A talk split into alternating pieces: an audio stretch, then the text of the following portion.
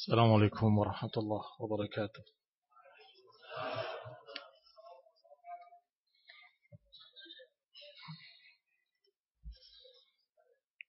إن الحمد لله نحمده ونستعينه ونستغفره ونعوذ بالله من شرور أنفسنا ومن سيئات أعمالنا من يهده الله فلا مضل له ومن يضلل فلا هادي له وأشهد أن لا إله إلا الله وحده لا شريك له وأشهد أن محمدا عبده ورسوله صلى الله عليه وعلى آله وأصحابه والتابعين وتابع التابعين ومن تبعهم بإحسان إلى يوم الدين.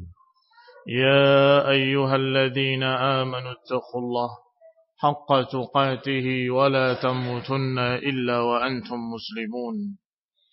يا أيها الناس اتقوا ربكم الذي خلقكم من نفس واحدة وخلق منها زوجها وبث منهما رجالا كثيرا ونساء.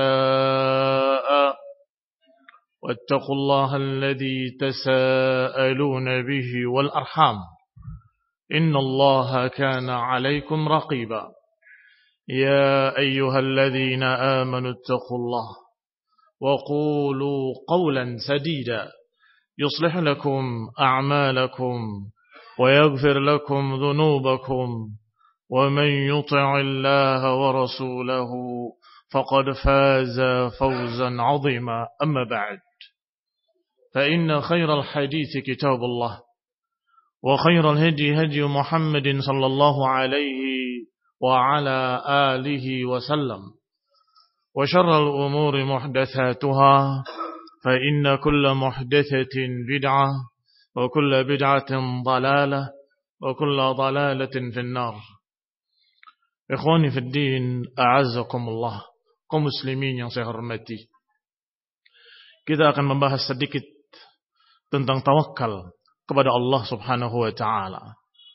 Allah Subhanahu wa taala berfirman wa 'alallahi fatawakkalu in kuntum mu'minin. Hendaklah kepada Allah kalian bertawakal jika kalian orang-orang yang beriman. Makna tawakal kata Abu Sa'adat Ibnu Al-Athir rahimahullah bahwa makna tawakal al-amr idza dhamina al-qiyam. Makna tawakal adalah menyerahkan urusan. Jika dipegang oleh orang lain dalam lughah dalam bahasa dikatakan wakala mewakilkan. Wa wakaltu amri ila fulan. Kalau seseorang berkata, aku wakilkan urusanku kepada si fulan. Artinya dia serahkan urusannya kepada si fulan. Dan aku bersandar kepadanya. Dia menggantikan aku dalam mengurusinya. Wawakala fulanun fulanan idastekfah. Kalau si fulan dikatakan mewakilkan pada si fulan, akhirnya maknanya dia mencukupkan urusan itu kepada si fulan dan dia pasrahkan urusan itu. Fahadihi ma'ani min ma'ani at-tawakkul. Bayan anna tawakkul faridah. Dalam Al-Quran ini, Allah katakan fatawakkalu in kuntum mu'minin. Dengan perintah. Dengan fi'lu amrin. Wa fi'lu amrin yaqtadil wujub. Perintah itu menunjukkan wajib. Illa idha dalla dalil. Yang menurunkan dari wajib kepada anjuran. Tetapi tentunya tidak ada yang menurunkan dari wajib kepada mustahab. Maka jelas yang namanya tawakal kepada Allah adalah faridah. Yaitu memasrahkan urusan kita kepada Allah subhanahu wa ta'ala. Kita berusaha. Tetapi kita bertawakal kepada Allah subhanahu wa ta'ala. Dengan keyakinan bahwa Allah subhanahu wa ta'ala yang menakdirkan segala sesuatu. Yang memutuskan segala sesuatu yang menentukan keberhasilan atau kegagalan, yang menentukan menang atau kalah, yang menentukan apakah dia untung atau rugi. Allah subhanahu wa ta'ala.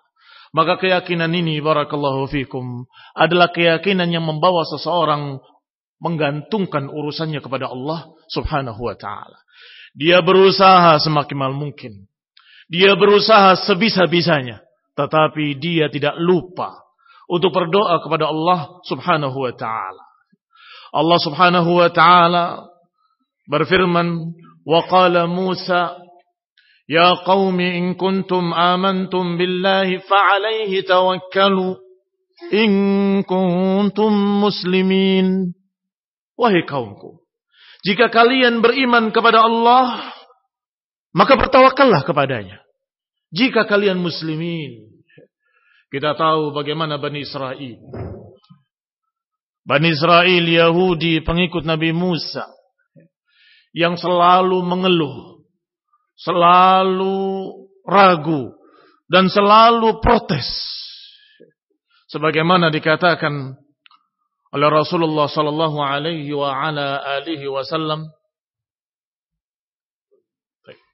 sallallahu alaihi wa ala alihi wasallam bersabda Ma nahaitukum anhu fajtanibuh wa ma amartukum bih fa'tu minhu mastata'tum فإنما أهلك الذين من قبلكم كثرة مسائلهم واختلافهم على أنبيائهم Kata Allah, kata Nabi SAW, apa yang aku larang, tinggalkan. Apa yang aku perintahkan, kerjakan. Sesungguhnya binasanya orang-orang sebelum kalian adalah karena kathratu masailihim Waktilafuhum ala anbiyaihim. Binasanya umat terdahulu karena banyaknya permintaan-permintaan mereka. Protes-protes mereka. Dan penyelisihan mereka terhadap nabi mereka. Di antaranya Bani Israel. Yang selalu protes pada Musa. Wahai Musa. Lihat. Di belakang Fir'aun. Dengan bala tentaranya. Sedangkan di depan. Lautan. Kita pasti binasa. Maka Musa menyatakan, Kalla, inna ma'ya rabbi. Tidak sekali-kali. Sesungguhnya bersamaku ada Rabbku. Maka Musa berdoa alaihi salam. Dan kemudian Allah menyatakan, Idrib bi'asakal bahar. Pukullah dengan tongkatmu ke laut. Maka terbukalah. Dua belas jalan, bukan satu jalan. Masing-masing suku dari suku-suku Bani Israel memiliki jalan sendiri-sendiri. Diistimewakan mereka.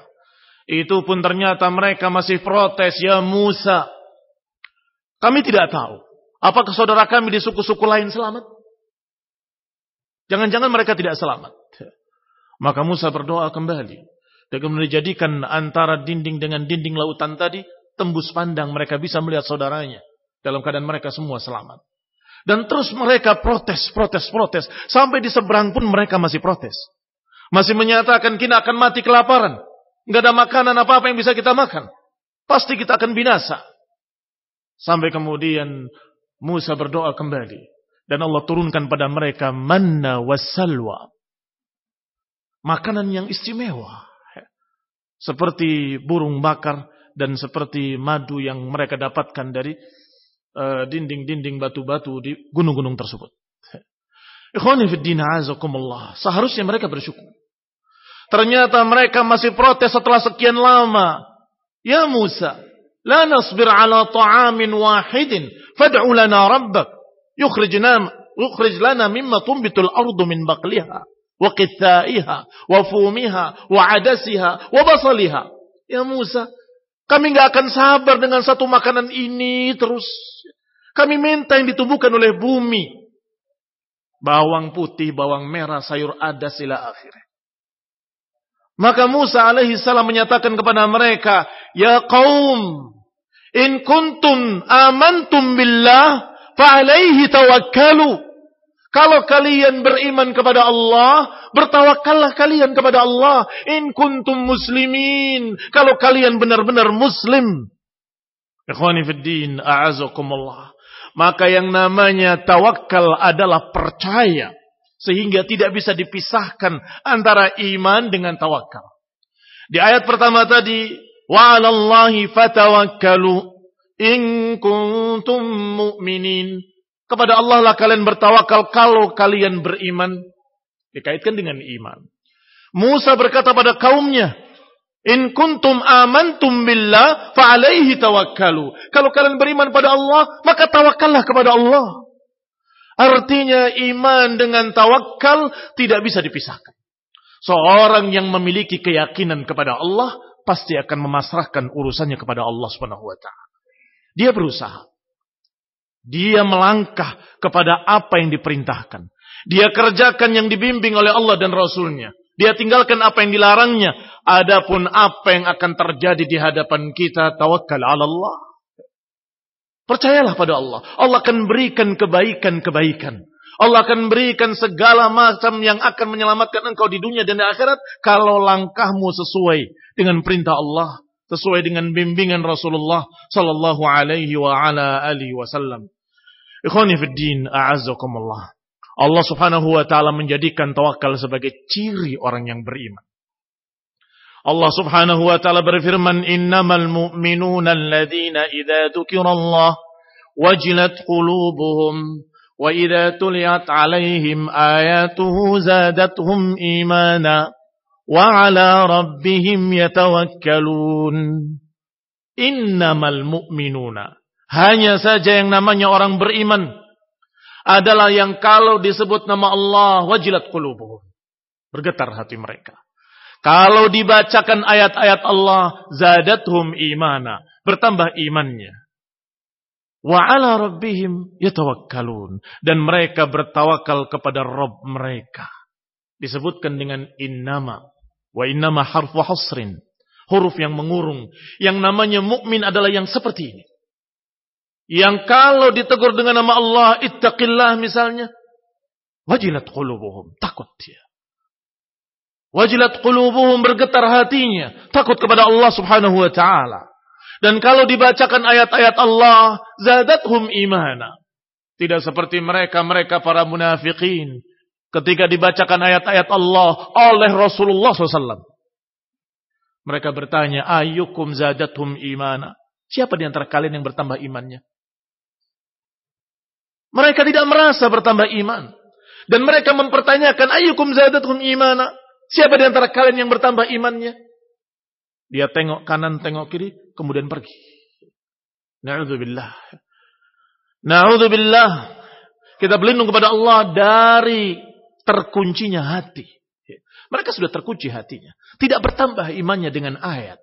Tidak bertambah imannya dengan teguran-teguran. Adapun mukminun ketika ditegur dengan nama Allah bertambah imannya dan bergetar hatinya. Wa ala rabbihim yatawakkalun dan kepada Rabb mereka mereka bertawakal. Ikhwani fid din, a'azakumullah. Yang namanya dunia darul ibtila. Yang namanya dunia ini adalah tempat ujian. Setiap orang yang berjalan di atas jalan yang lurus, pasti dia akan menghadapi sekian macam ujian-ujian yang kadang berat, kadang lebih berat, kadang susah, kadang ujian dengan keuntungan duniawiyah. Bisyarri wal khairi fitnah, kata Allah. Kami akan uji mereka, bisyarri wal khair. Dengan kebaikan dan dengan kejelekan sebagai fitnah. Kalau diuji dengan kebaikan-kebaikan, diuji apakah dia syukur atau tidak syukur. Kalau diuji dengan musibah-musibah, berarti diuji apakah dia sabar atau tidak sabar. Nabi Sulaiman alaihi salam. Diberi oleh Allah Subhanahu wa taala kekayaan dan kerajaan yang demikian besarnya. Meliputi manusia dan jin. Dan bisa berbicara berinteraksi dengan binatang-binatang. Bahkan bisa menyuruh angin. Masya Allah. Tetapi beliau berkata, Hada min fadli Rabbi. Liyabluwani aashkuru am akfur. Ini adalah fadilah dari Allah untuk menguji aku. Apakah aku syukur atau kufur. Sekarang ada seseorang yang katanya bisa berkomunikasi dengan jin. Langsung berkata, aku alimul ghaib. Aku seperti Tuhan, tahu yang gaib. Sombong. Kalah dalam ujian pertama. Sedangkan Nabi Sulaiman yang memimpin sebagai raja manusia dan juga jin yang tunduk kepadanya dan juga ditundukkan kepadanya angin. Tetapi toh menyatakan hadza min fadli rabbi liyabluwani ashkur am akfur. Demikian pula sebaliknya Nabi Ayub yang Allah berikan ujian yang berat, musibah, sakit, bencana, hilang anak-anaknya, terbunuh dengan musibah. Kemudian dia sakit sampai pada puncaknya istrinya tidak sabar dan pergi meninggalkannya. Juga dalam keadaan beliau sabar. Sabar. Dan tetap husnudzon kepada Allah subhanahu wa ta'ala. Bahwa ini adalah ujian dari Allah subhanahu wa ta'ala. Ikhwani a'azakumullah. Makna tawakal adalah kita jalani hidup ini dengan bergantung pada Allah Subhanahu wa taala. Karena sesungguhnya Allah lah yang memberi musibah ataupun yang memberi kebaikan-kebaikan. Asyar minallah wal khair minallah. Allah Subhanahu wa taala menyatakan ma yaftahillah linnas min rahmatin fala mumsikalaha. Kalau Allah sudah bukakan rahmat bagi manusia, maka enggak akan ada yang bisa menghalanginya. Wa ma yumsik dan apa yang sudah Allah tahan dari rahmat, fala mursila lahu min ba'di, maka enggak akan ada yang bisa melepaskan rahmat itu pada dia. Wa huwal azizul hakim. Kalau Allah bukakan rahmat, enggak akan ada yang bisa menghalanginya. Sebaliknya kalau orang lain Allah tutup rahmat dan Allah tahan daripadanya, maka enggak akan ada yang bisa memberikan rahmat kepadanya. Maka tawakal Allah. Bergantunglah kepada Allah. Memintalah, berdoalah kepada Allah. Begitu berangkat safar dari rumah, keluar rumah. Sudah berkata, Bismillahi tawakkaltu ala Allah. Bismillah. Aku bertawakal kepada Allah SWT. Kemudian berdoa. Yang juga doanya mengandung tawakul. Allahumma inni a'udzubika min an adilla au udal, an azilla au uzal, an akdiba au ukdaba alayya. Ya Allah, aku minta perlindungan kepadamu.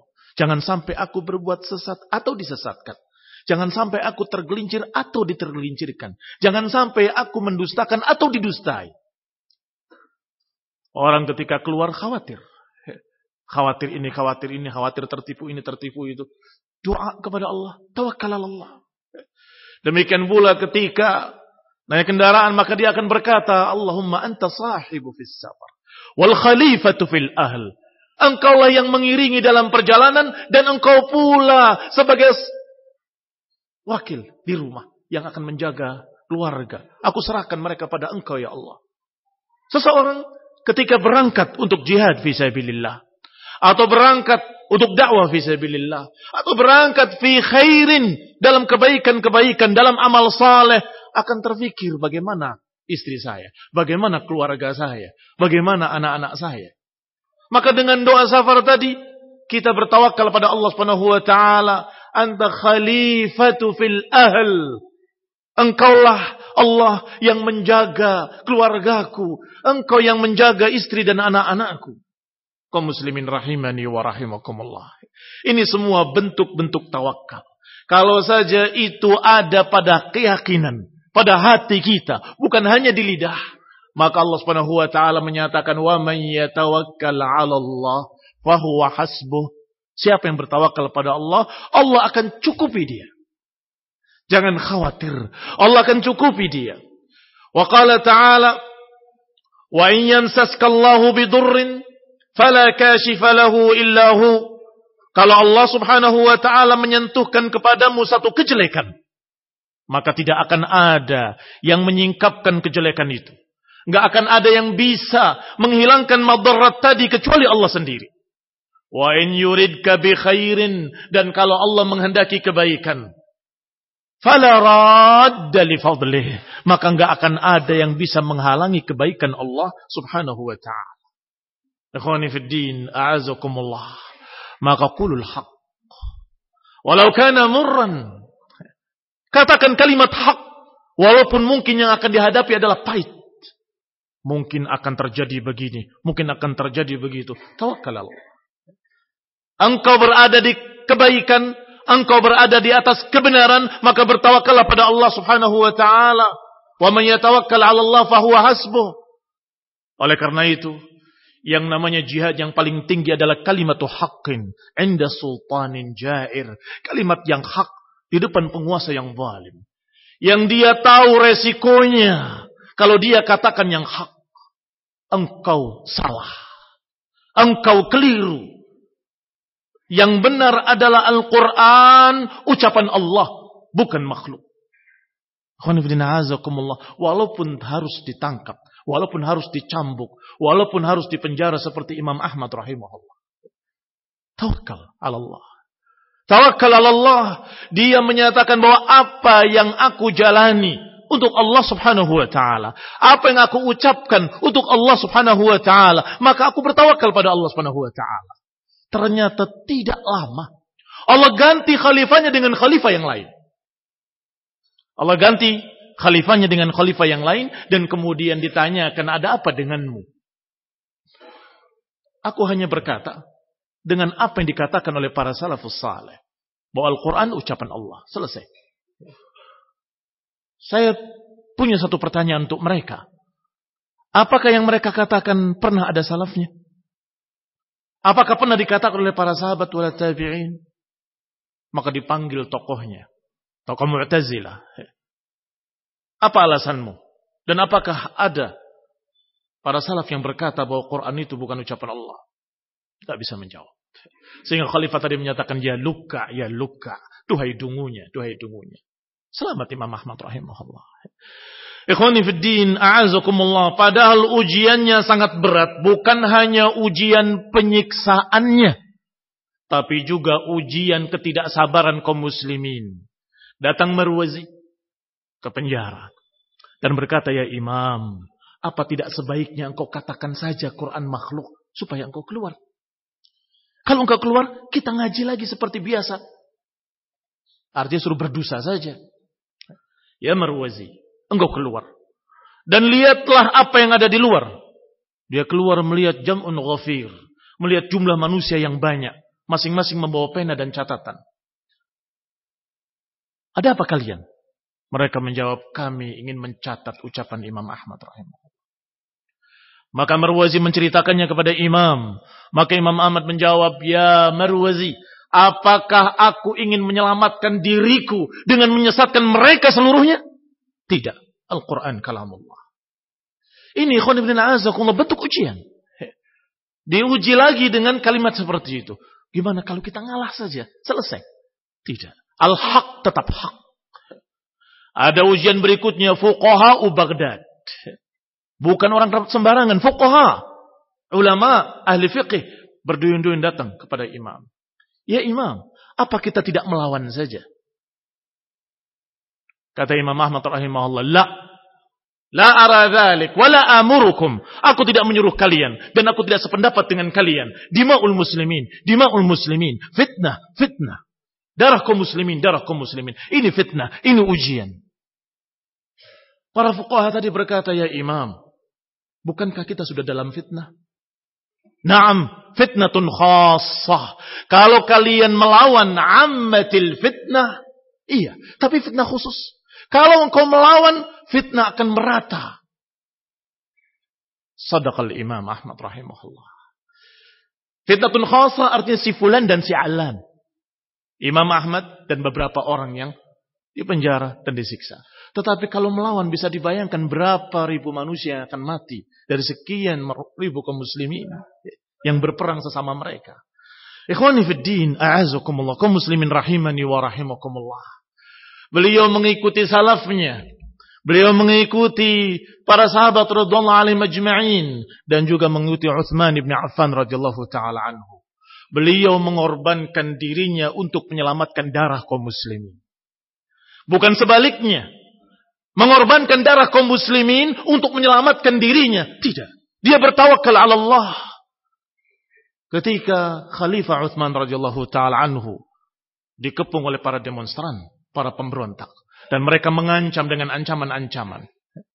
Para sahabat berdatangan, "Wahai khalifah, perintahkan pada kami untuk melawan mereka. Kami akan perangi mereka." Jawaban khalifah, "Jangan. Aku tidak akan mengucapkan satu kalimat yang menyebabkan pertumpahan darah sesama muslimin. Tidak. Sampai Utsman sendiri terbunuh. Dan itu yang sudah diduga oleh beliau. Radiyallahu ta'ala anhu. Artinya beliau mengalah mengorbankan dirinya. Jangan sampai kaum muslimin tertumpah darahnya. Demikian pula Imam Ahmad pengikutnya. Pengikut salaf. Lebih baik dia yang korban daripada harus umat.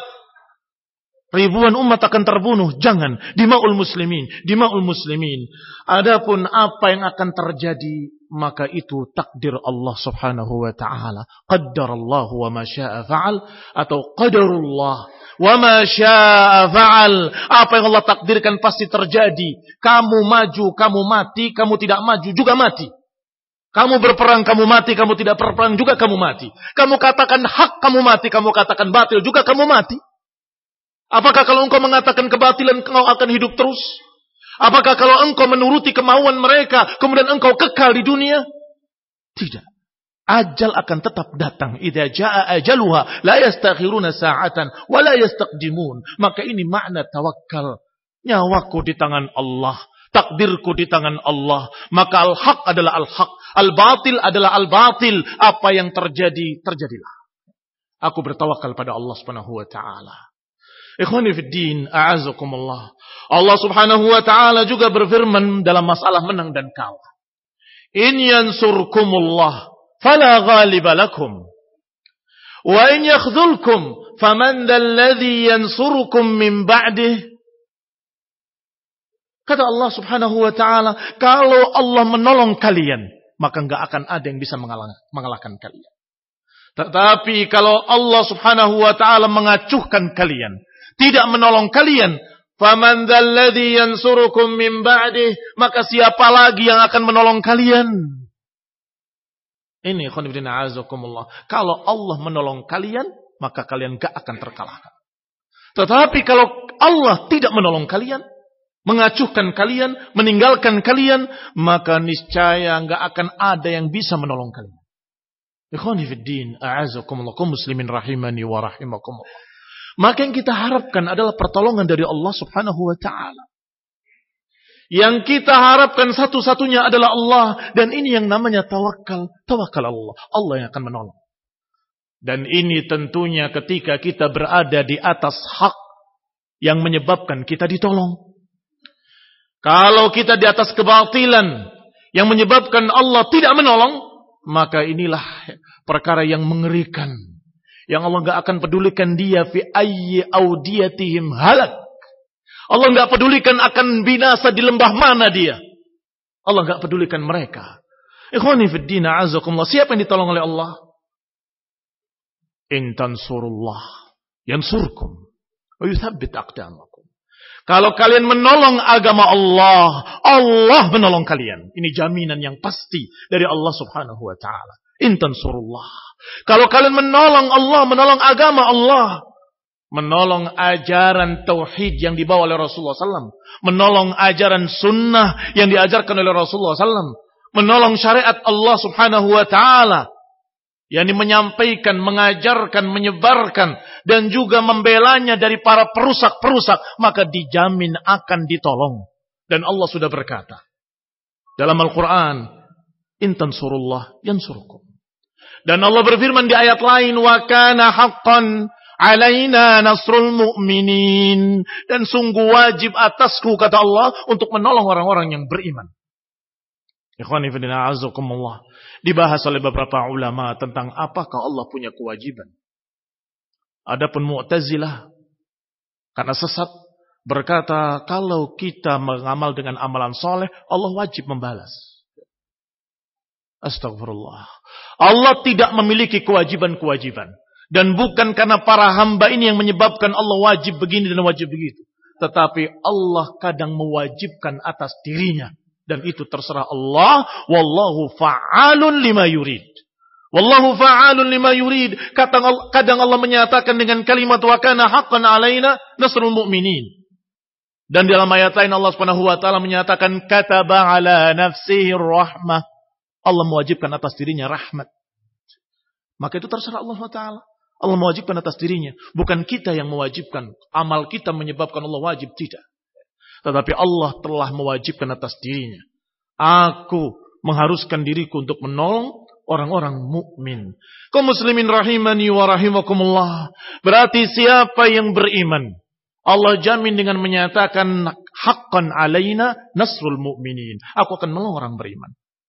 Siapa yang menolong agama Allah, Maka juga Allah menjamin. Maka tawakal Allah. Kenapa mesti takut? Kenapa gelisah? Kenapa gundah gulana? Kenapa engkau ragu-ragu? Katakan hak adalah hak. Katakan yang batil adalah batil. Katakan, katakan ini syirik, ini bid'ah. Katakan yang ini adalah tauhid, yang ini adalah syirik, yang ini sunnah, yang ini bid'ah. Agar mereka mendapatkan ilmu. Adapun mau menerima atau tidak menerima, maka bainahum wa baina rabbuhum. Antara mereka dengan Allah, kita hanya menyampaikan. Kita tidak memaksa. Kita tidak mengharuskan. Kita tidak menjadikan mereka sebagai bawahan kita yang harus begini, harus begitu.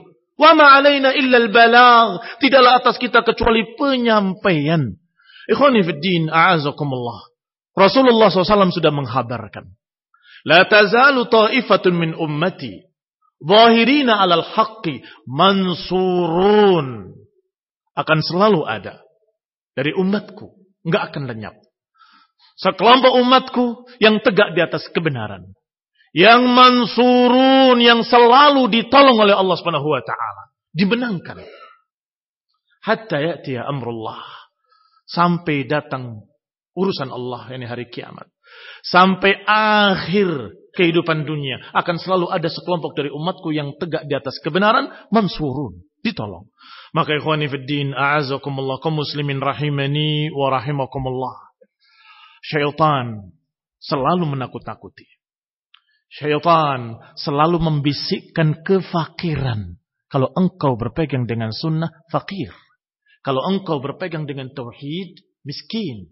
Kalau engkau berpegang dengan syariat Allah, engkau akan terkucil, engkau akan dihinakan, engkau akan diusir, engkau akan begini dan begitu. Itu semua bisikan-bisikan syaitan. Wasawisu syaitan. Syaitan ya'idukumul faqra. Wa ya'murukum bil fahsyah.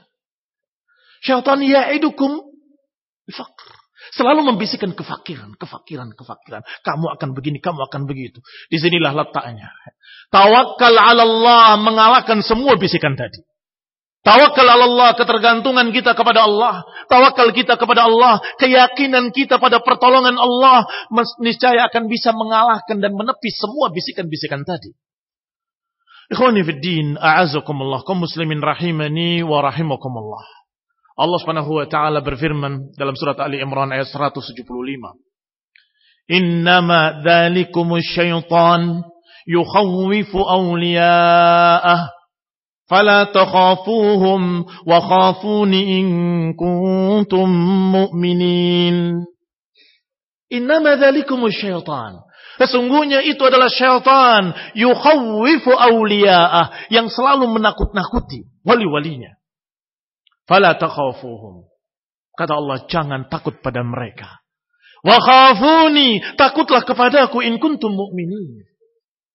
Jangan takut pada mereka, takutlah kepada Allah Subhanahu wa taala. Syaitan menakut-nakuti wali-walinya ada dua tafsir. Menakut-nakuti orang yang percaya kepada syaitan itu, wali-walinya. Itu mana pertama. Mana kedua, menakut-nakuti kalian dengan wali-walinya. Hati-hati, lihat wali-waliku. Akan memerangi kalian. Akan mengusir kalian. Akan menjelekkan kalian ila akhirih. Ikhwani fiddin, a'azakumullah. Maka Allah subhanahu wa ta'ala memerintahkan kita untuk bertawakal kepada Allah subhanahu wa ta'ala. Sebagaimana tawakalnya para anbiya. Sebagaimana tawakalnya Rasulullah sallallahu alaihi wa ala alihi wasallam. Yang Allah turunkan ayatnya kepada beliau. Ya ayyuhan nabi. Wahai Nabi, hasbukallah wa man ittaba'aka minal mu'minin. Cukup bagimu Allah. Dan cukup bagi orang-orang mukminin. Kata Ibnu Qayyim rahimahullah, ada seseorang atau ada beberapa yang menafsirkan keliru. Menafsirkan ayat ya ayuhan nabiyyu hasbukallah wa man ittaba'aka minal mu'minin. Cukup bagimu Allah dan cukup bagimu orang-orang beriman yang akan membelamu. Salah, kata beliau. Khata'un mahad. Itu kesalahan murni. Yang benar adalah cukup bagimu dan cukup bagi mukminin yang mengikutimu. Hasbukallah wa hasb mu'minin. Cukup bagimu Allah dan cukup bagi pengikutmu Allah subhanahu wa ta'ala. Maka bertawakal hanya kepada Allah subhanahu wa ta'ala. Kau muslimin rahimani wa rahimakumullah. Kapan Allah katakan demikian? Ketika mereka sudah menakut-takuti. Dengan kalimat-kalimat yang mengandung ancaman-ancaman. Yaitu ketika mereka berkata, Innan nasa qad jama'u lakum fakhshawhum. Sesungguhnya manusia telah berkumpul untuk memerangi kalian. Fakhshawhum, takutlah kamu dari mereka. Nggak perlu takut. Hasbukallah. Cukup bagimu Allah. Dan cukup bagimu kaum mukminin. Cukup bagimu kaum mukminin ini makna yang marjuh, yang sahih dan cukup pula Allah bagi mukminin. Ya nih ikhwan ibn azakumullah. Allah Subhanahu wa taala mencukupi kalian. Apakah kalian jumlahnya sedikit? Apakah kalian persenjataannya terbatas? Apakah kalian begini dan begitu? Yang penting kalian di atas hak atau di atas batil. Apakah kalian di atas kebenaran? Apakah kalian di atas kebatilan? Kalau kalian di atas kebenaran, tawakal Allah. Tawakal Allah. Bergantunglah kepada Allah Subhanahu wa taala. Kam min fi'atin qalilatin ghalabat fi'atan katsiratan biidznillah. Berapa banyak pasukan kecil mengalahkan pasukan yang besar biidznillah dengan izin Allah Subhanahu wa taala. Ikhwani fid din, a'azakumullah. Ketika jumlahnya banyak. Tetapi yang terbanyak orang-orang baru masuk Islam. Dan kebanyakan mereka yang baru masuk Islam ini melihat jumlahnya kemudian gede rasa. Menyatakan kita nggak akan terkalahkan. Jumlah kita sangat besar. Yaitu dalam perang Hunain. Pasukan belakang itu bisa melihat pasukan terdepan sudah melewati bukit.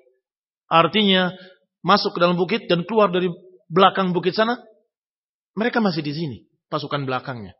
Masya Allah jumlahnya pasukan. Maka Allah Subhanahu wa taala menyatakan id wa yauma hunain id a'jabatkum kathratukum fala tughni ankum syai'a. Ingatlah pada perang Hunain. Ketika kalian merasa bangga dengan banyaknya jumlah kalian, ternyata la yughni ankum syai'a. Ternyata tidak mencukupi kalian jumlah itu sedikit pun. Tidak membantu. Ternyata ketika di perbukitan Hunain, dari kanan dan dari kiri, mereka menghujani kaum muslimin dengan panah-panah dan tombak mereka. Dan perang saat itu, yang berada di atas, lebih menang. Karena panah-panah mereka ketika turun semakin dipercepat dengan gravitas. Tapi sebaliknya, Panah-panah yang dibawa ke atas semakin lambat dan tidak manjur. Tidak sama sekali berpengaruh. Maka tersebarlah mereka ke sana kemari. Sampai Rasulullah SAW memerintahkan Ibnu Abbas atau Abbas untuk panggil mereka. Wahai yang berbaiat di bawah pohon. Wahai ahli badr. Wahai muhajirin. Wahai ansar. Maka berkumpul pasukan inti. Muhajirin wal ansar. Berperang dengan jumlah yang sedikit. Menang. Biidnillahi ta'ala. Tawakal Allah. Contoh-contoh yang seperti ini bukan sekali, bukan dua kali, bukan tiga kali. Setiap anbiya, setiap para nabi membuktikan bahwa Allah pasti akan menolongnya. Ikhwani fid a'azakumullah muslimin rahimani wa rahimakumullah. Adapun hidayah di tangan Allah. Apakah mereka mendapat hidayah atau tidak mendapat hidayah? Tetapi ketika mereka akan menghalangi, ketika mereka akan berbuat dan begini dan begitu, tawakal Allah. Takdir nggak akan berubah. Kematian nggak akan maju, nggak akan mundur. Sudah tercatat tanggalnya, sudah tercatat waktunya. Apalagi hanya ancaman-ancaman dunia. Urusan pecat memecat. Apalagi ancaman-ancaman dunia. Urusan tidak lagi bisa berurusan dagang dengannya Apalagi urusan-urusan yang sifatnya duniawi ya, lebih kecil lagi. Kaum muslimin rahimani wa rahimakumullah. Allah Subhanahu wa taala mengatakan wa man yatawakkal 'ala Allah fa hasbuh. Siapa yang bertawakal kepada Allah, maka Allah akan mencukupinya. Adhan. Ikhwani fi azakumullah. Demikianlah yang namanya tawakal. Siapa yang bertawakal pada Allah, Allah akan mencukupinya.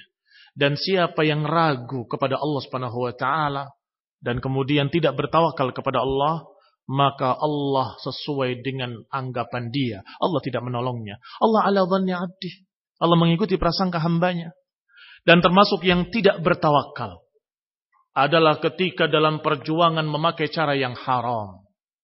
Memakai jimat-jimat, memakai sihir-sihir, meminta bantuan pada orang-orang mati, pada jin, maka itu berarti tidak tawakal pada Allah Subhanahu wa taala.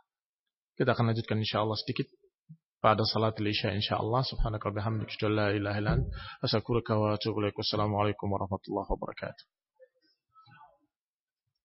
Assalamualaikum warahmatullahi wabarakatuh. إن الحمد لله نحمده ونستعينه ونستغفره ونعوذ بالله من شرور أنفسنا ومن سيئات أعمالنا من يهده الله فلا مضل له ومن يضلل فلا هادي له وأشهد أن لا إله إلا الله وحده لا شريك له وأشهد أن محمدا عبده ورسوله صلى الله عليه وعلى آله وأصحابه والتابعين وتابع التابعين ومن تبعهم بإحسان إلى يوم الدين. يا أيها الذين آمنوا اتقوا الله حق تقاته ولا تموتن إلا وأنتم مسلمون. يا أيها الناس اتقوا ربكم الذي خلقكم من نفس واحدة وخلق منها زوجها وبث منهما رجالا كثيرا ونساء. واتقوا الله الذي تساءلون به والأرحام. إن الله كان عليكم رقيبا. يا أيها الذين آمنوا اتقوا الله وقولوا قولا سديدا. يصلح لكم أعمالكم ويغفر لكم ذنوبكم ومن يطع الله ورسوله فقد فاز فوزا عظيما. أما بعد فإن خير الحديث كتاب الله وخير الهدي هدي محمد صلى الله عليه وعلى آله وسلم وشر الأمور محدثاتها فإن كل محدثة بدعة وكل بدعة ضلالة وكل ضلالة في النار Ikhwani fi din, a'azakumullah, kaum muslimin rahimani wa rahimakumullah. Kita masih berbicara tentang masalah tawakal. Bahwasanya tawakal berkait dengan iman. Semakin tinggi iman seseorang, maka dia semakin tinggi tawakalnya kepada Allah Subhanahu wa taala. Di samping itu, tawakal juga berkait dengan kesabaran bahwa siapa yang bertawakal kepada Allah maka dia akan sabar. Sabar dalam ujian, sabar dalam ancaman, sabar dalam segala macam kekhawatiran-kekhawatiran. Bahwasanya Allah Subhanahu wa taala sudah menyatakan dalam Al-Qur'an Alif Lam Mim ahasiban nasu yutraku an yaqulu amanna wa hum la yuftanun Alif Lam Mim kata Allah. Apakah manusia mengira bahwa mereka akan dibiarkan mengatakan beriman tanpa diuji? Walaqad fatanna alladhina min qablihim fala ya'lamanna Allahu alladhina sadaqu dan sungguh kami telah uji orang-orang sebelum kalian. Maka sungguh Allah pasti tahu siapa yang sadaku dan siapa yang kadhibin, siapa yang jujur imannya dan siapa yang dusta. Ikhwani fid din, a'azakumullah. Maka dunia ini darul ibtila, tempat ujian. Seseorang akan diuji oleh Allah Subhanahu wa taala dengan sekian macam ujian. Dan Allah menyatakan ahasiban nas an yutraku an yaqulu amanna wa hum la yuftanun. Apakah manusia mengira bahwa mereka akan dibiarkan mengatakan kami beriman tanpa diuji? Artinya pasti akan ada ujian. Dan sungguh kami telah uji orang-orang sebelum mereka kata Allah dan kami pasti tahu siapa yang jujur imannya dan siapa yang dusta. Maka akan terlihat kejujuran iman seseorang dan kedustaannya pada ujian-ujian. Ikhwani fid din, a'azakumullah. Ujian berbagai macam bentuknya. Allah Subhanahu wa taala berfirman di dalam ayat lain, "Am hasibtum an tadkhulul jannata ولما يأتكم مثل الذين خلوا من قبلكم مستهم البأساء والضراء والزلزلوا حتى يقول الرسول والذين آمنوا معه متى نصر الله ألا إن نصر الله قريب Kata Allah, apakah kalian mengira bahwa kalian akan masuk surga? Dalam keadaan belum datang kepada kalian ujian yang berat. Seperti yang pernah menimpa orang-orang sebelum kalian. Mereka ditimpa baksa, waddarra, wazulzilu. Ditimpa kejelekan-kejelekan. Kerugian-kerugian. Bahkan digoncangkan dengan ketakutan-ketakutan. Sampai mereka, Nabi dan orang beriman yang bersamanya, berkata, Mata Nasrullah. Kapan datangnya pertolongan Allah? Maka dijawab, Ala inna nasrallahi qarib. Ketahuilah bahwa pertolongan Allah dekat. Ikhwani fi din, a'azakumullah. Rasul walladina ma'ah. Mereka semua beriman bahwa Allah pasti menolong. Maka pertanyaan mereka bukan menyatakan mana, bukan, tapi kapan. Karena mereka yakin pasti akan datang. Mereka yakin pertolongan Allah atas mereka akan datang. Tapi karena beratnya ujian, mereka berkata, Mata Nasrullah. Mata Nasrullah. Kapan datangnya pertolongan Allah? Ikhwani berarti sudah sangat beratnya. Dibacakan ayat ini oleh Rasulullah SAW kepada Khabbab ibn al-Arat. Khabbab ibn al-Arat disiksa oleh tuannya. Dengan didekatkan api kepadanya, melepuh badannya, diikat kepalanya. Dalam keadaan demikian beliau melihat Rasulullah SAW. Ya Rasulullah. Mata Nasrullah. Kapan datangnya pertolongan Allah? Khabab ibn Arad yakin. Akan datang pertolongan. Tetapi dia tidak tahu kapan. Dan dia sudah merasakan sangat beratnya. Maka Rasulullah SAW mengatakan kepadanya. Orang-orang sebelum kalian. Diuji oleh Allah dengan sesuatu yang lebih berat. Di antara mereka ada yang diparut dengan parut dari besi. Sehingga terkelupas dagingnya dari tulangnya. Di antara mereka. Ada yang yunshar bil minshar. Ada yang digergaji min mafraqi ra'sih. Dari belahan rambutnya. Sampai terbelah dua. Dan itu tidak mengeluarkan mereka dari iman. Am hasibtum. An tadkhulul jannah. Walamma yatikum mathalul ladhina khala min qablikum. Massatumul ba'sa'u wadh-dharra'u wazulzilu. Apakah kalian mengira bahwa kalian akan masuk surga padahal kalian belum diuji dengan ujian-ujian yang berat seperti yang pernah menimpa orang-orang terdahulu? Mereka ditimpa kejelekan, kerugian dan digoncangkan dengan rasa takut sampai Nabi dan yang bersamanya berkata mata Nasrullah. Dialami oleh Rasulullah SAW dan para sahabatnya pada perang Khandak yang dikepung dengan sekian pasukan sekutu yang bergabung dari suku Yahudi, Ghatafan, Khaybar, dan juga dengan musyrikin Quraisy dan suku-suku Arab yang bersamanya.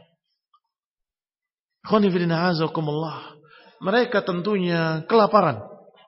Mereka tentunya ada rasa takut sebagai manusia. Tetapi mereka yakin akan datang pertolongan Allah. Maka mereka bertanya, Mata Nasrullah? Ya Rasulullah, kapan datangnya pertolongan Allah? Mereka tidak bisa membayangkan bagaimana mengalahkan pasukan sebesar itu. Ternyata Allah subhanahu wa ta'ala menurunkan pertolongannya. Allah kirimkan junu dan lam tarauha. Tentara yang kalian tidak lihat kata Allah. Allah terbangkan kemah-kemah mereka. Allah terbangkan periuk-periuk mereka dengan angin yang dingin. Mereka kedinginan, mereka kesusahan. Dan api-api mereka padam sehingga semakin dingin. Dan mereka dalam keadaan perselisihan di kalangan mereka. Bubarlah mereka. Dengan tentara yang tidak bisa dilihat. Tentara yang tidak terlihat. Dari malaikat-malaikat dan angin dan dingin yang Allah kirimkan pada mereka. Walhamdulillah Rabbil Alamin. Ikhwani biddin, a'azakumullah. Demikian pula syaitan sudah berkata di hadapan Allah dengan bersumpah bi'izzatik la'aghwiyannahum ajma'in. Kata iblis, demi kemuliaanmu ya Allah, aku akan sesatkan mereka seluruhnya. Dan juga berkata, La aq'udanna siratakal mustaqim. Sungguh aku akan duduk di jalanmu yang lurus ya Allah. Untuk menghalangi mereka. Duduk di jalan yang lurus untuk menghalangi manusia. Di dalam ucapan yang lainnya yang Allah kisahkan dalam Al-Quran. Syaitan berkata, ثُمَّ لَآتِيَنَّهُمْ min baini aidihim wa min khalfihim wa an aymanihim wa an syama'ilihim wa la tajidu aktsarahum syakirin Kata iblis, aku akan datangi mereka. Dari depan mereka, dari belakang mereka, dari kiri mereka, dari kanan mereka. Dan niscaya engkau gak akan dapati mereka bersyukur. Kata iblis. Sumpah di hadapan Allah. Sesumbar dengan dusta bahwa dia akan sesatkan seluruh manusia. Artinya. Kalau kita sudah bertekad untuk menjalani jalan yang lurus. Kalau kita sudah bertekad berpegang dengan tauhid. Hanya beribadah kepada Allah. Berpegang dengan sunnah. Hanya beribadah dengan cara yang sunnah. Kita akan menghadapi iblis dan bara tentaranya. Dari jin dan manusia. Dan kita akan menghadapi dari depan. Dari belakang. Dari kiri. Dan dari kanan.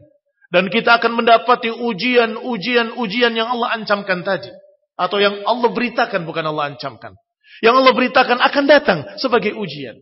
Yang Allah katakan ba'sa, waddarra, wazulzilu. Ikhwani fiddin, a'azakumullah.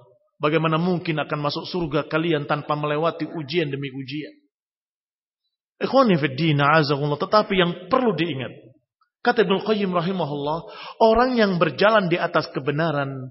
Ada ujiannya. Ada sakitnya, ada lelahnya, ada beratnya. Orang yang berjalan di atas kebatilan pun sama.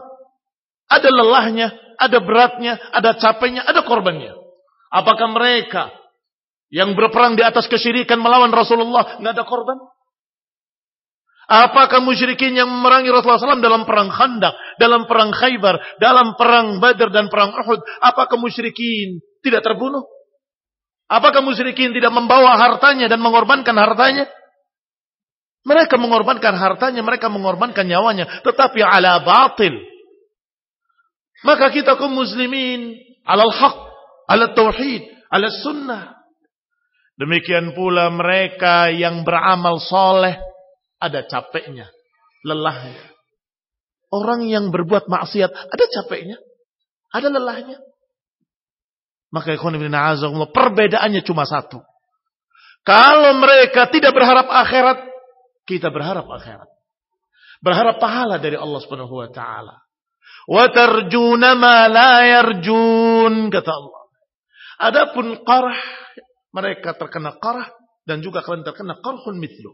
Mereka terluka, kalian terluka. Mereka terbunuh, kalian terbunuh. Mereka lelah, kalian lelah. Mereka memiliki kerugian, kalian memiliki kerugian.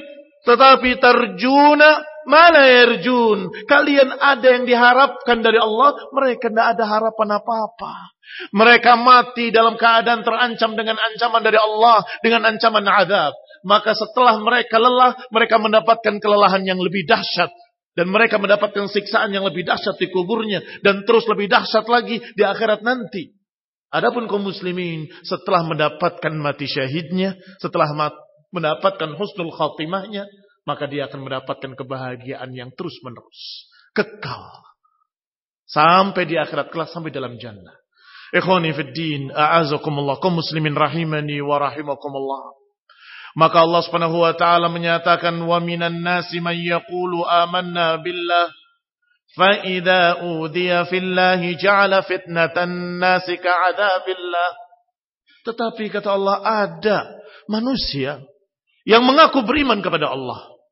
Tetapi ketika diuji, menganggap ujian tadi seperti adab Allah. Kenapa saya disiksa? Kenapa saya diadab? Padahal saya berpegang dengan tauhid. Padahal saya berpegang dengan sunnah. Berarti orang ini tidak sabar. Dan tidak tawakal pada Allah subhanahu wa ta'ala.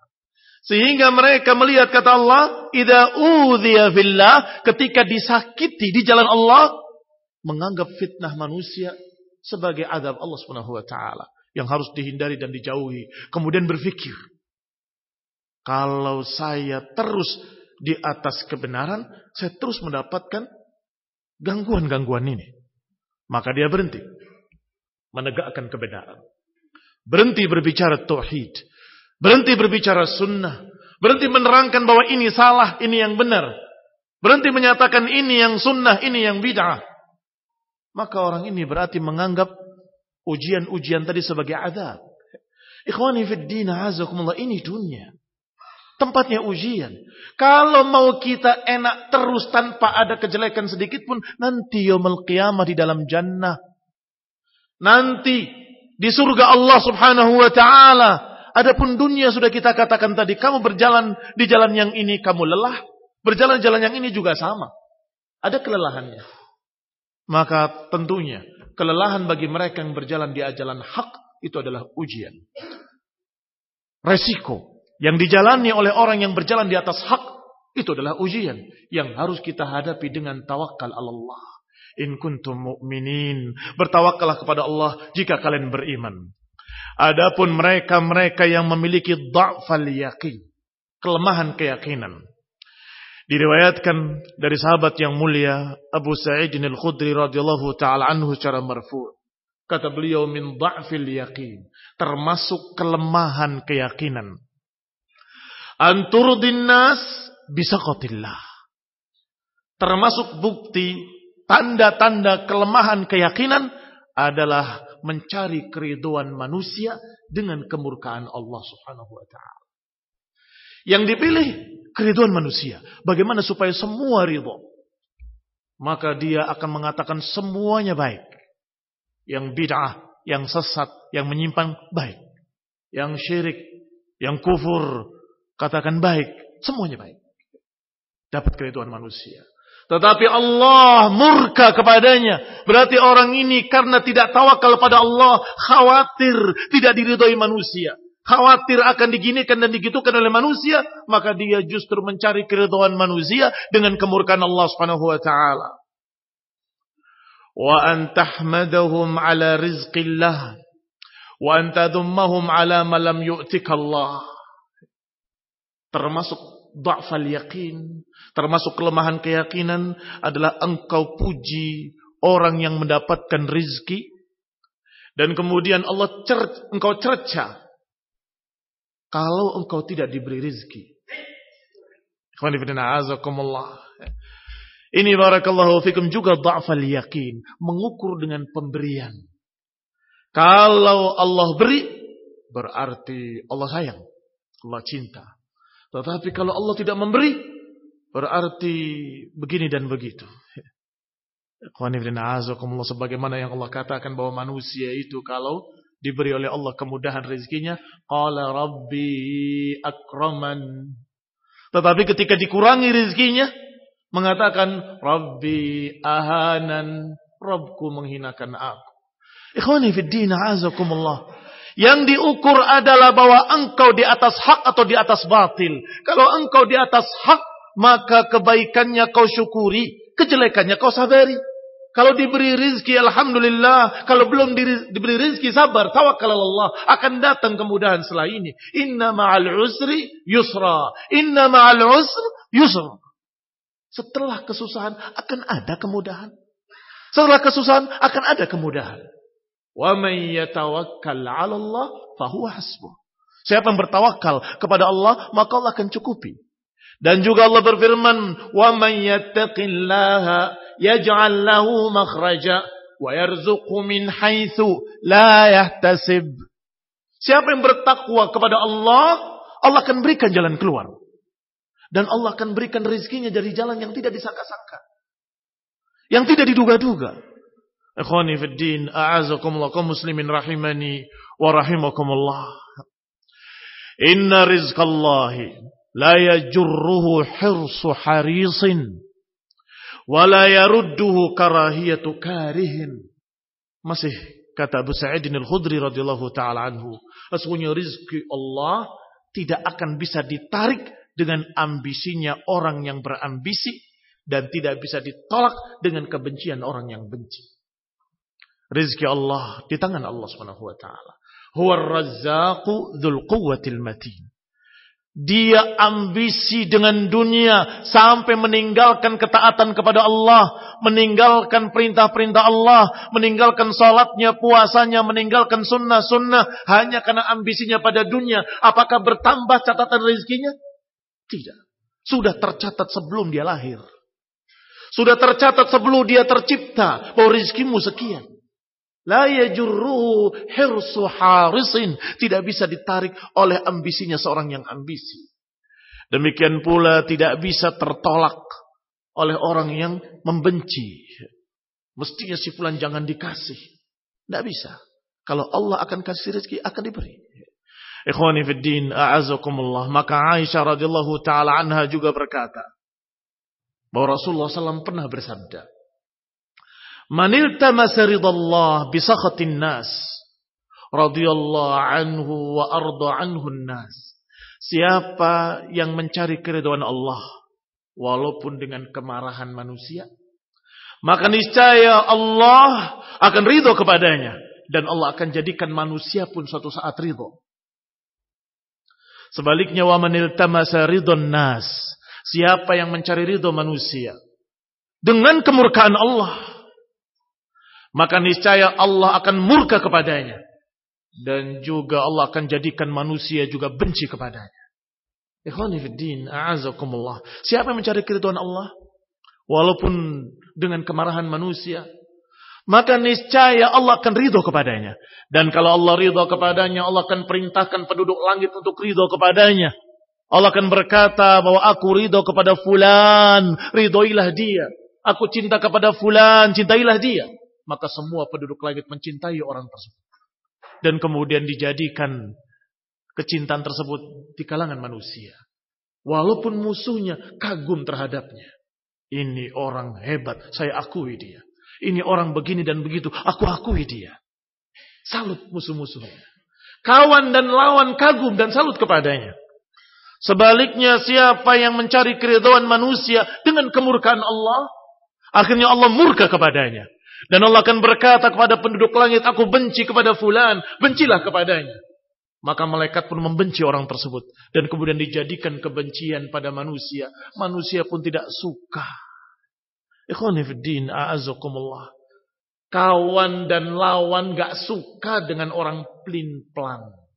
Ke sana iya, ke sini iya. Ke sana bagus, ke sini bagus. Ke situ benar, ke sini benar, semua benar. Maka yang sana nggak suka, yang sini juga nggak suka. Mereka akan berkata, ini orang nggak punya pendirian. Ini orang dalam keadaan tidak jelas jalannya. Akhirnya semua manusia benci kepadanya. Tetapi orang yang tegas di atas kebenaran. Maka kawan dan lawan akan salut kepadanya. Karena Allah subhanahu wa ta'ala mencintainya. Dan Allah jadikan seluruh penduduk langit mencintainya. Dan juga Allah jadikan kecintaan pada manusia Demikian diriwayatkan oleh Ibnu Hibban di dalam hadisnya dalam sahihnya. Ikhwani fi din a'azakumullah muslimin rahimani wa rahimakumullah. Maka tetaplah istiqamah di atas kebenaran. Tetaplah istiqamah di atas tauhid, di atas sunnah. Apa pun yang akan terjadi di hadapan kita, hadapi dengan sabar. Hadapi dengan tawakal. Apalagi perkara-perkara dunia. Jangan kita tergiur dengan apa yang Allah berikan pada orang-orang kafir dari kekayaan dan kemudahan. Kata Allah, "Fala tu'jibka amwaluhum wala auladuhum." Jangan mengagumkan kamu harta mereka ataupun anak-anak mereka. Innama yuridullahu liyu'adzibahum biha Sesungguhnya Allah ingin mengadab mereka dengan apa yang Allah berikan pada mereka. Fil hayati dunia, di kehidupan dunia. Watazhaqa anfusuhum wahum kafirun. Akhirnya mereka mati dalam keadaan kafir. Ikhwanifiddin, a'azakumullah. Ternyata dari luar kita lihat betapa nikmatnya. Kaya raya dengan anak laki-laki yang banyak. Ternyata Allah katakan Allah jadikan demikian liyu'adzibahum biha fil hayati dunya. Untuk Allah adab dia di kehidupan dunia. Dia tersiksa dengan hartanya. Dia susah dengan hartanya dan anak-anaknya. Dia didurhakai. Dia susah dengan berbagai macam tingkah anak-anaknya. Tingkah istrinya. Dan dia dalam keadaan tersiksa dengan segala macam perusahaannya. Tidak bisa tenang hidupnya.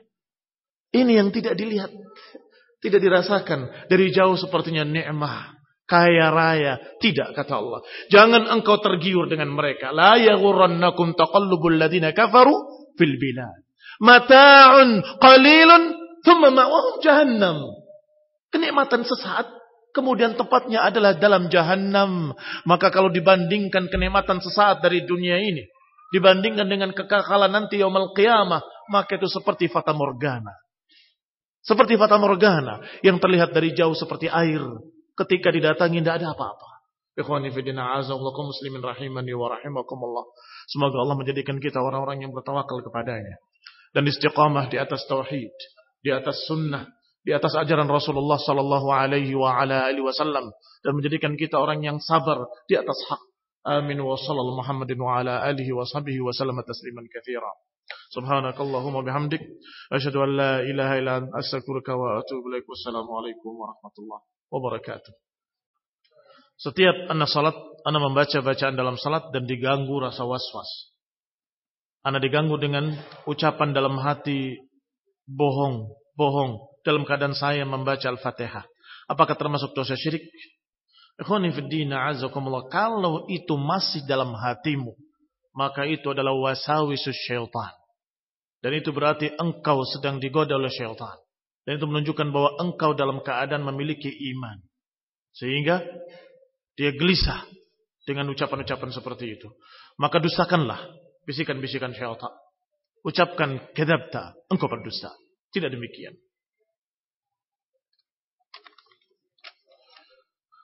Berilah pada anak cara untuk menghilangkannya. Menghilangkannya dengan memahami apa yang dibaca.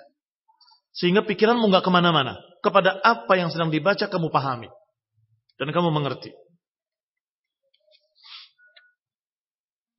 Apabila seorang membeli tanah rumah dengan uang muka tertentu dengan perjanjian melunasi setelah kurun waktu. Jika tidak waktunya tidak melunasi maka hilang uang mukanya. Adapun masalah uang mukanya tidak mengapa, karena itu adalah perkara yang syurut atau perjanjian antara muslimin. Wal muslimun ala syurutihim. Tetapi perkara yang nanti ketika bertambah dengan waktu, kalau mundur bertambah lagi, maka itu yang dikatakan riba. Allah alam. Menyebutkan bahwa salat sunat empat rakaat setelah Isya seperti ibadah pada malam Lailatul Qadar. Allah alam. Saya tidak tahu. Apakah ada dalil yang seperti itu?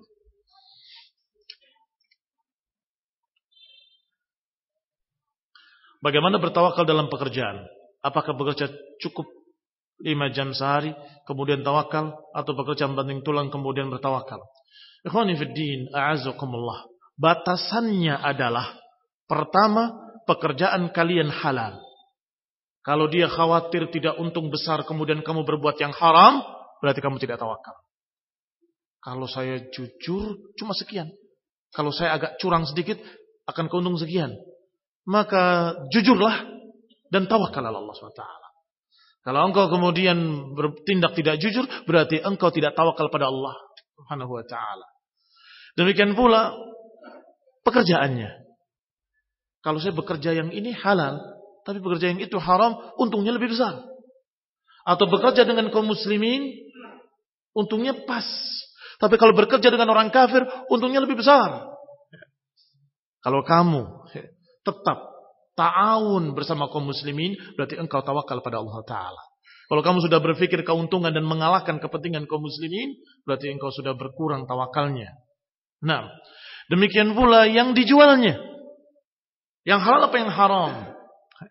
Kalau jualnya halal, walaupun untungnya sekian, kamu syukuri, maka itu tawakal Allah SWT. Tetapi kalau engkau berpikir menjual yang haram, ternyata untungnya berlipat-lipat, maka engkau kalah dengan godaan dunia dan tidak tawakal pada Allah SWT. Nah,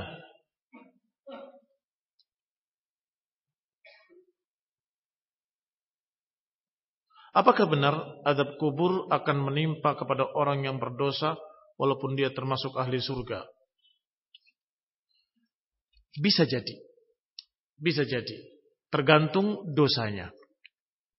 Artinya ada dosa yang diadab di kuburnya. Padahal nanti dia di akhiratnya akan masuk surga. Tapi diadab di kuburnya. Seperti Rasulullah SAW menyatakan innahuma la yu'adzabani wa ma yu'adzabani fi kabir. Sesungguhnya dua orang ini sedang dikubur, sedang diadab. Dan bukan karena sesuatu yang besar, sesuatu yang dianggap remeh.